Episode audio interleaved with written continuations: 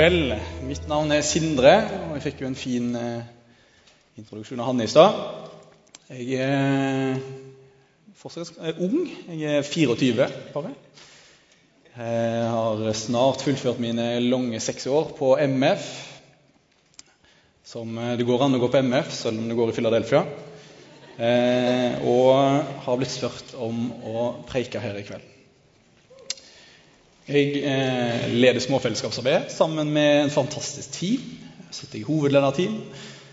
Eh, og så skal jeg gifte meg til høsten. Så det det er veldig mye bra.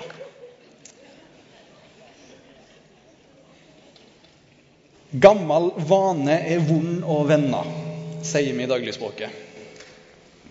Ordtaket setter ord på at vaner har stor påvirkning i våre liv og hverdager. Og kraften i vaner har fått større oppmerksomhet de senere årene. Og løfter opp hva, hva kristen tradisjon lenge har sagt. Vi formes av det vi gjør over tid. Og I denne saleserien skal vi se på hva som ifølge kristen tro er noen av verdens viktigste vaner. Tenke, takke og tjene. Forrige søndag snakka Andreas Døvik glitrende om det å tenke. Neste søndag skal Daniel Egeli snakke om å tjene, og i dag skal jeg få lov til å snakke om det å takke og det å være takknemlig. Og Vi skal bruke tre hovedpunkter i løpet av kvelden. Vi får aldri nok. Å skape gode vaner hjelper oss på veien. Og Det siste punktet handler om vår dypeste takknemlighet. Og vi begynner på toppen. Men først så ber vi. Kjære gode Jesus, takk for at det er du som er sannhet, og ikke mine ord. Må du tale gjennom meg, sånn at ditt ord kan slå rot i våre hjerter. Må du ikke forherde våre hjerter, sånn at vi kan få lov til å høre hva ditt ord er til oss i dag.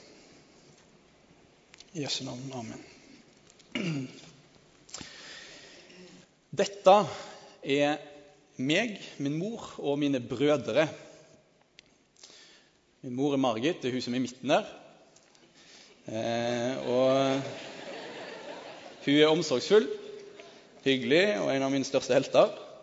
Ikke blant de best, best trente i klassen, men eh, absolutt en god mamma.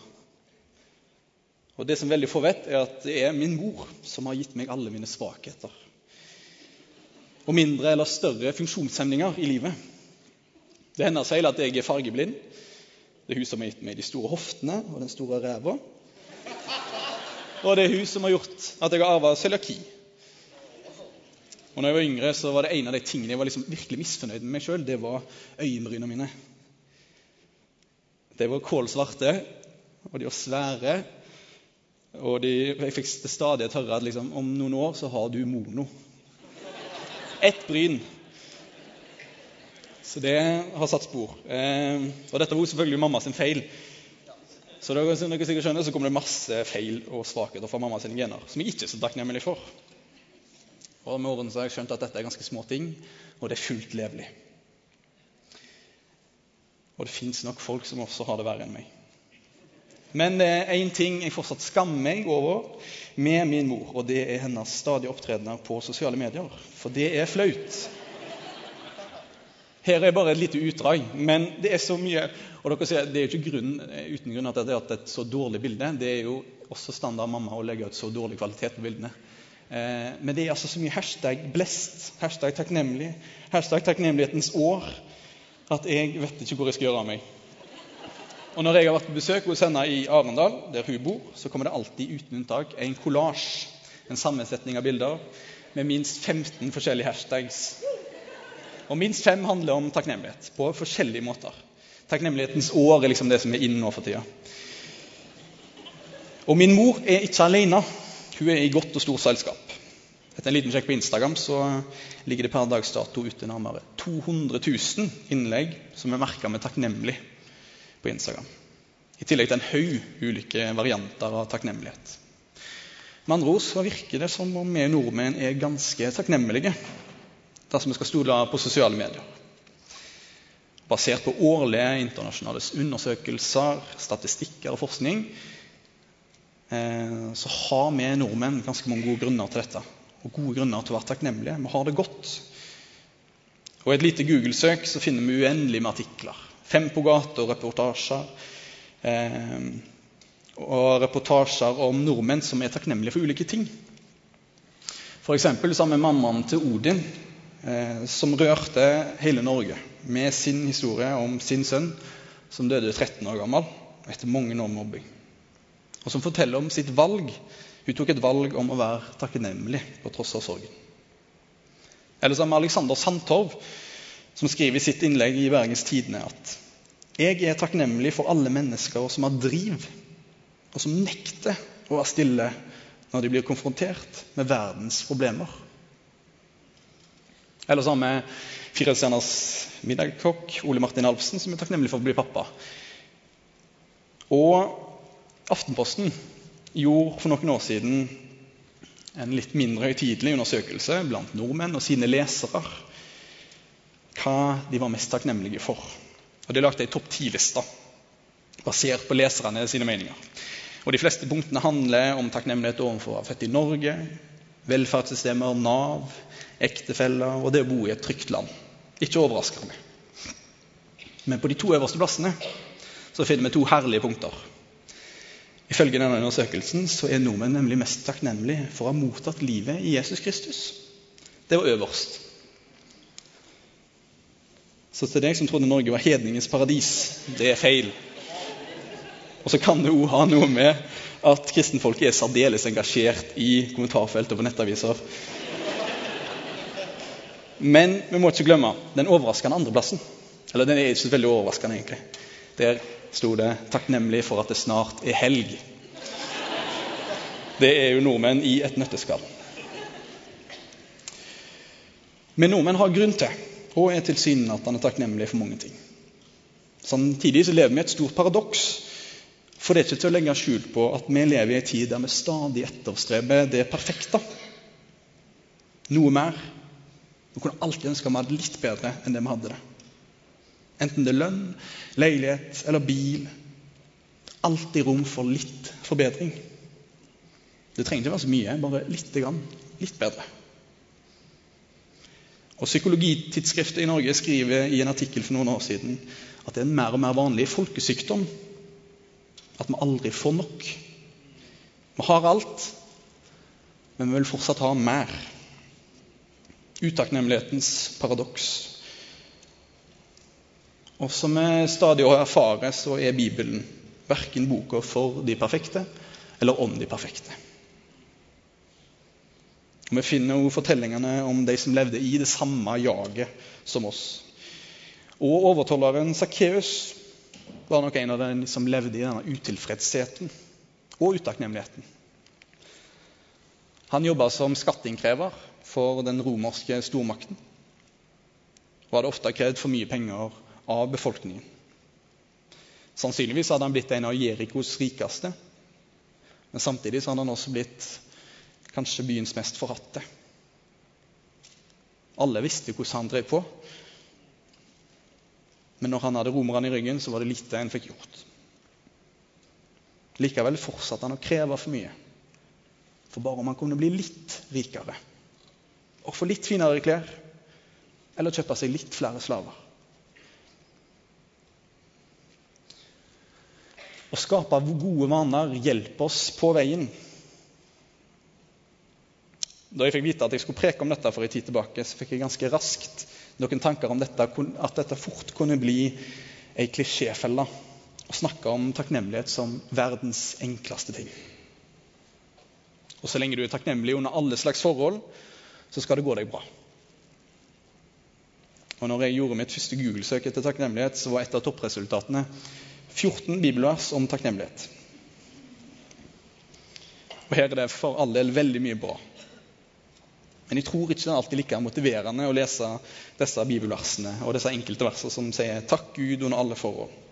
Eller som Paulus skriver 'rå ord, tåpelig tale og grovt snakk er også upassende'. Si heller takk til Gud.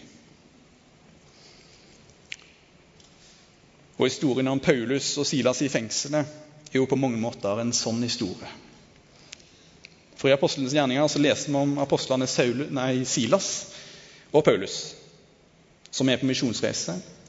Og Etter mye motstand fra styresmaktene så blir de omsider kasta i fengsel.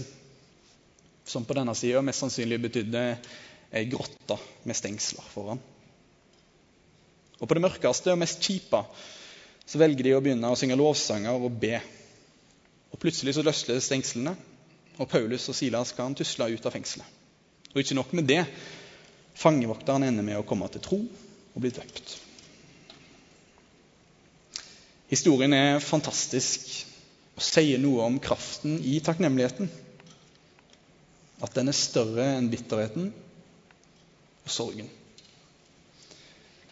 Samtidig så kan fortellingen virke så fjern og urealistisk hvis en opplever at en ikke har noe å være takknemlig for. Hadde det bare vært så enkelt at hver gang livet spilte på motstanderlaget, så var det bare å finne fram historien om Silas og Paulus motivere seg litt med denne, så, så vil det gå over. Samtidig er Paulus inspirerende for oss fordi han har klart å velge takknemligheten. Paulus velger takknemligheten. Og Hvis vi ser på brevene i Det nye testamentet, som stort sett er skrevet av Paulus, så begynner nesten alltid brevene med takk. Og Det å være takknemlig er nødvendigvis ikke en motsetning til det å snakke ærlig om livet. Nei, Paulus er knallhard til tider. Han er supertydelig med noen av menighetene. Men likevel så takker han for dem først. Og Det betyr at det å vise takknemlighet ikke nødvendigvis trenger å bety at en lever et overfladisk liv.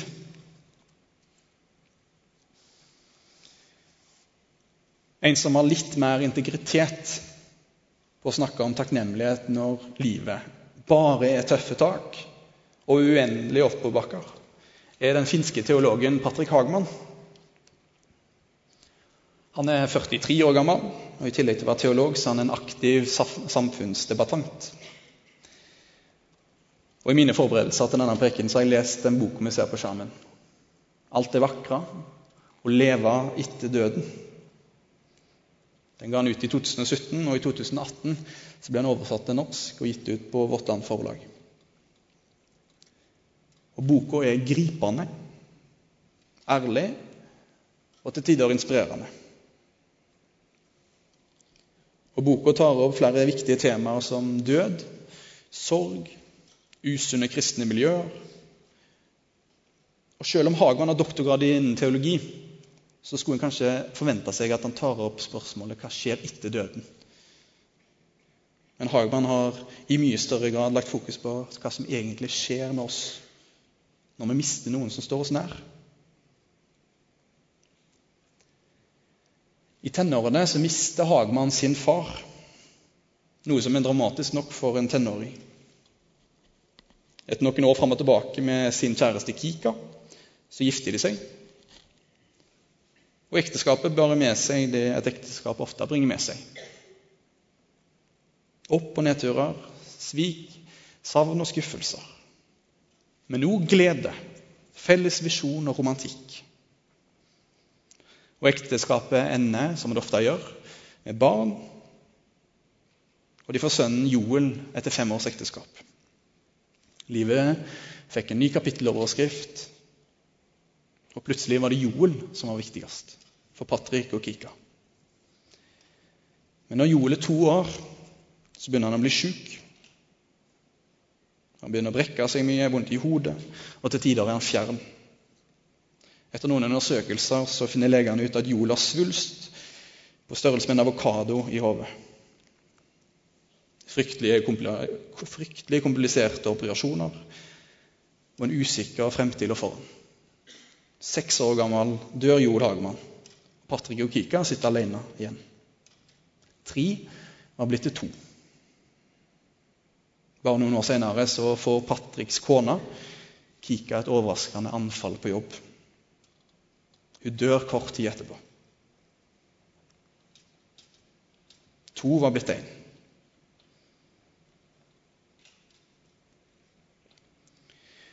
Og her er det egentlige hovedpoenget i boka til Hagmann kommer fram. Hvordan takler vi å miste tre så sentrale personer i livet sitt? Hvordan går vi videre? Og ikke minst, hvor er Gud midt oppi alt dette? Og der de fleste av oss ville gått i kjelleren og blitt der, så velger Hagmann en litt alternativ løsning. Han velger takknemligheten. Og Hagmann kunne stilt spørsmål som f.eks.: Hvor Gud var? Hvorfor måtte det akkurat skje med meg? Og hvorfor måtte min sønn, min far og min kone miste livet så lenge før de hadde utløst sitt potensial for livet? Og Så skriver Hagmann følgende Å kle sorgen i den slags spørsmål er mulig, men det fører ingen sted steds hen. Alternativet, hvis det er for vanskelig å beholde den ordløse, klare sorgen, er å dreie den over i takknemlighet. Det er ganske uforståelig for oss å skjønne hvordan Hagman kan skrive noe sånt som dette. Og Jeg tror ikke vårt mål for kvelden skal være at vi skal bli Patrick Hagman lik. Men Hagman drar på mange meter evangeliet ned til oss. Helt konkret. I måten han velger å være takknemlig. Framfor å være bitter og anklage Gud. Pål Johan Karlsen er psykolog og forfatter og har arbeida en del med takknemlighet og psykologien rundt det å være tilfreds og takknemlig. Og Et av de spørsmålene rundt dette om takknemlighet er er det en del av personligheten vår, eller er det noe vi kan øve oss opp i? Og Da er det klassiske svaret det er både for, han skriver for noen ligger det veldig naturlig å takke og være takknemlig til andre. Men alle har noe å være takknemlig for. Og alle kan lære å være takknemlig. Så hvis du satt her og tenkte at du er typen som ikke er så takknemlig, og sliter med å vise takknemlighet, og at løpet er kjørt Dette er gode nyheter. Vi kan alle øve oss opp i dette. Vi kan alle lære oss å være mer takknemlige. Og det er her vanene våre kommer inn. For hvilke vaner har vi rundt det å si takk og være takknemlig? For å være fornøyd, for å være tilfreds. Og det er her verdens viktigste vaner for alvor kommer inn. For ja, det å velge å takke, det å velge å være takknemlig, er faktisk en av de viktigste vanene vi som kristne kan utvikle. Så hvordan ser vanen takknemlighet ut i praksis? Hva kan vi gjøre, og hva krever Jesus at vi takker for? For det første Jesu kjærlighet og nåde den er betingelsesløs. Han døde ikke på korset på betingelsen at vi skulle takke ham. Det skjønte nok Jesus lenge før han døde at det ville være helt urealistisk. Så Jesus krever ikke at vi er takknemlige og takker hver dag. Og Det er ikke en betingelse for å tro på ham. Men likevel så tror jeg at vår takknemlighet og takk til Gud vil komme som en naturlig respons jo mer vi forstår hvem Gud er, og hva han har gjort for oss.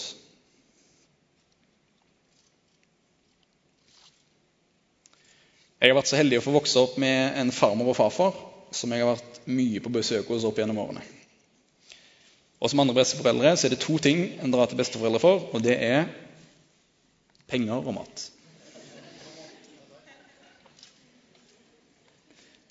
Nei da, jo. Men, eh, men, mat er alltid viktig når en er hos besteforeldrene sine.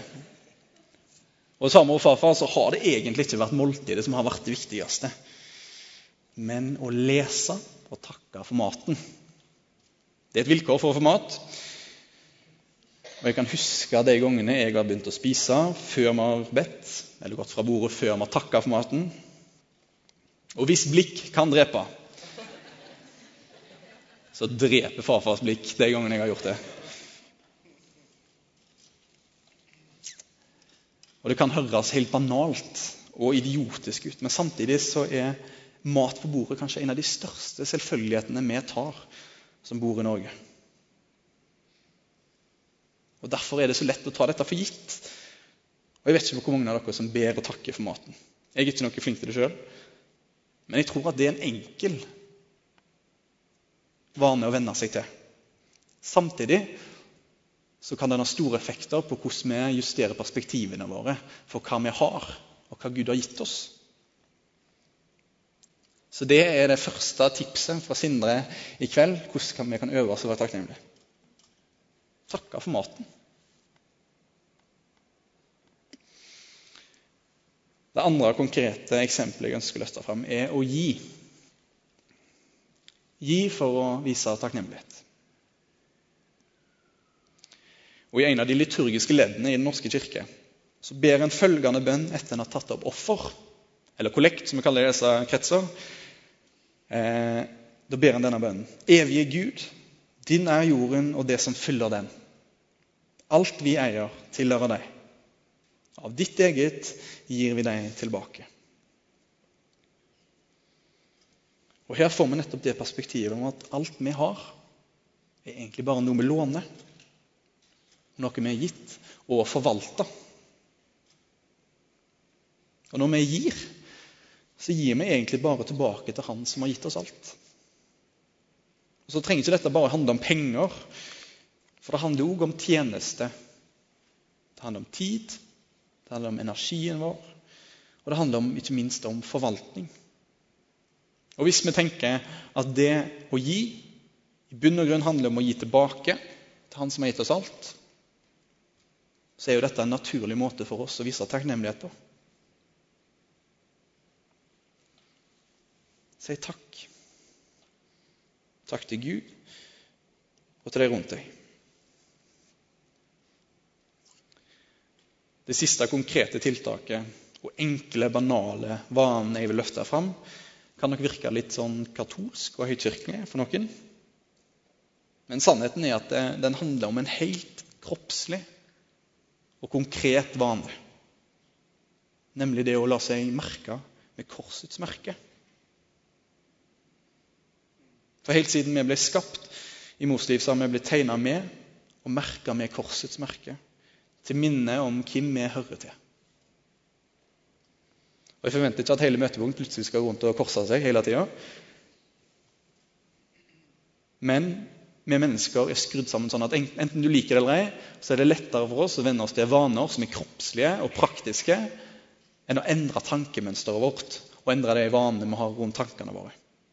Og Derfor kan nettopp det å tegne seg med et korstegn og si til seg sjøl og til Gud jeg tilhører deg, og det er jeg takknemlig for. Det kan være en måte vi helt enkelt og kroppslig kan vise vår takknemlighet til Gud.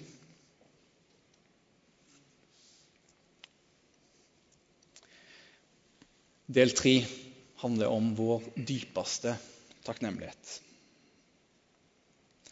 Og Vi leser sammen fra Lukas kapittel 17.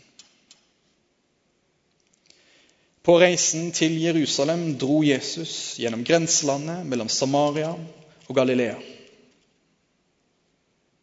Da han var på vei inn i en landsby, kom ti spedalske menn imot ham. De ble stående langt unna og ropte.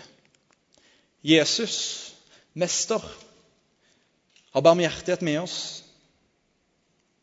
Han så dem og sa, gå og vis dere for prestene. Og mens de var på vei dit, ble de rene. Men en av dem kom tilbake da han merket at han hadde blitt frisk. Han lovpriste Gud med høy røst, kastet seg ned for Jesu føtter med ansiktet mot jorden og takket ham. Denne mannen var en samaritan. Jesus sa, 'Ble ikke alle ti rene?' Hvor er da de ni? var det ingen andre enn denne fremmede som vendte tilbake for å gi Gud æren. Og han sa til ham, Reis deg og gå. Din tro har frelst deg.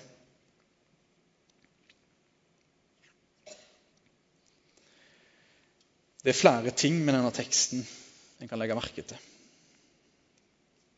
For det første var de ti mennene spedalske. Spedalskhet det var en sykdom som først og fremst gikk utover huden og nervesystemet. Det var ikke akkurat en vanlig kløende eksem. Det var mye verre. Og Den sykdommen gjorde at den ble betrakta som urein. Og urein på denne tida var ikke bare det ordet vi hører nå. Det var så mye mer. En fikk ikke være med i fellesskapet. En måtte bo utenfor byene. Og familien sin den kunne en iallfall si ha det til.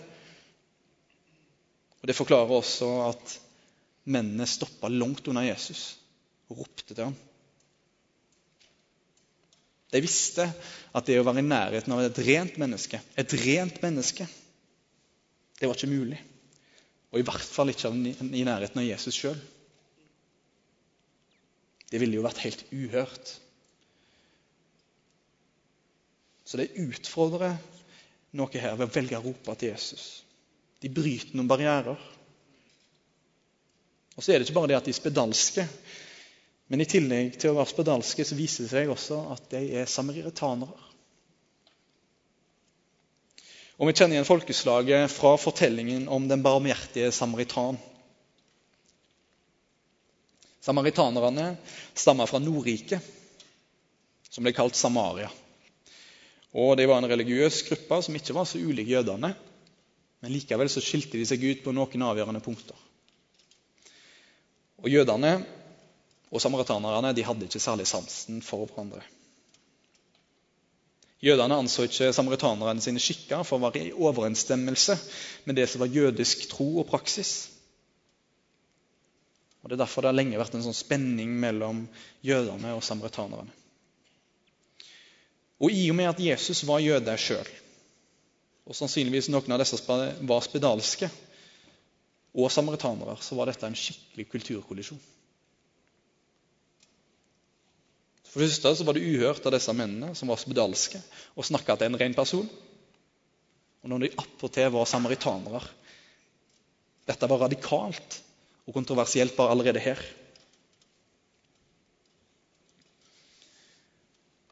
Men Poenget med bibelfortellingen er uansett at mannen blir frisk. Eller alle ti blir friske. Men det er bare én som viser sin takknemlighet overfor Jesus. Og så kan en spørre seg hvorfor de andre ikke viste sin takknemlighet overfor han som helbreda dem. Og han helbreda dem ikke bare. Han, han dro dem ut av en tilværelse utenfor samfunnet. Fra en tilværelse utenfor fellesskapet, og han dro de ut av tilværelsen i fordømmelsen. Hvordan er det mulig å ikke si takk?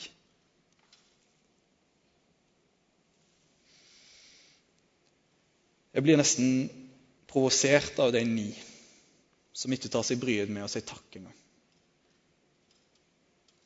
Og så tenker jeg litt etter. Ransaker meg sjøl litt. Og så kan jeg nok kjenne meg igjen i de ni.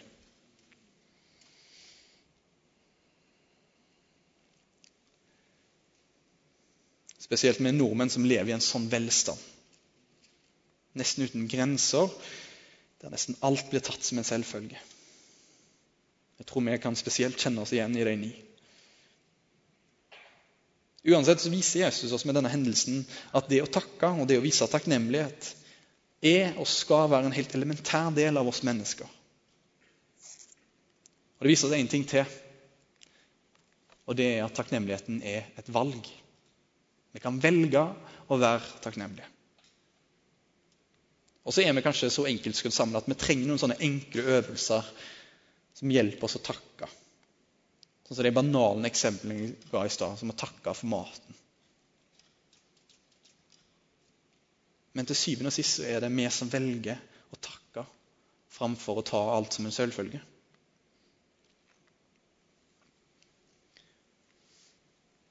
Takknemlighet er i bunn og grunn en erkjennelse og en innrømmelse at vi ikke strekker til. Og Den spedalske, samaritanske mannen ble nettopp et symbol for en som ikke strakk til. En som ikke nådde opp, og en som var avhengig av noe annet for å være innafor. Takknemlighet er en erkjennelse av at vi ikke alltid når de målene vi setter oss. Og at vi ikke alltid fyller de skoene vi tar på oss. Ikke minst er en erkjennelse av at vi trenger Gud. Men i vår kontekst vil takknemlighet i like stor grad som vi erkjenner at vi ikke strekker til, også være en erkjennelse av at vi trenger korset, og vi trenger nåden.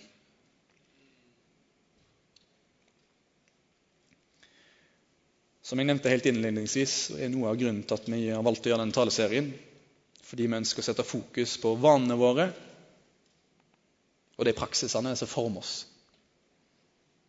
Fordi praksiser og det vi gjør, det former oss over tid.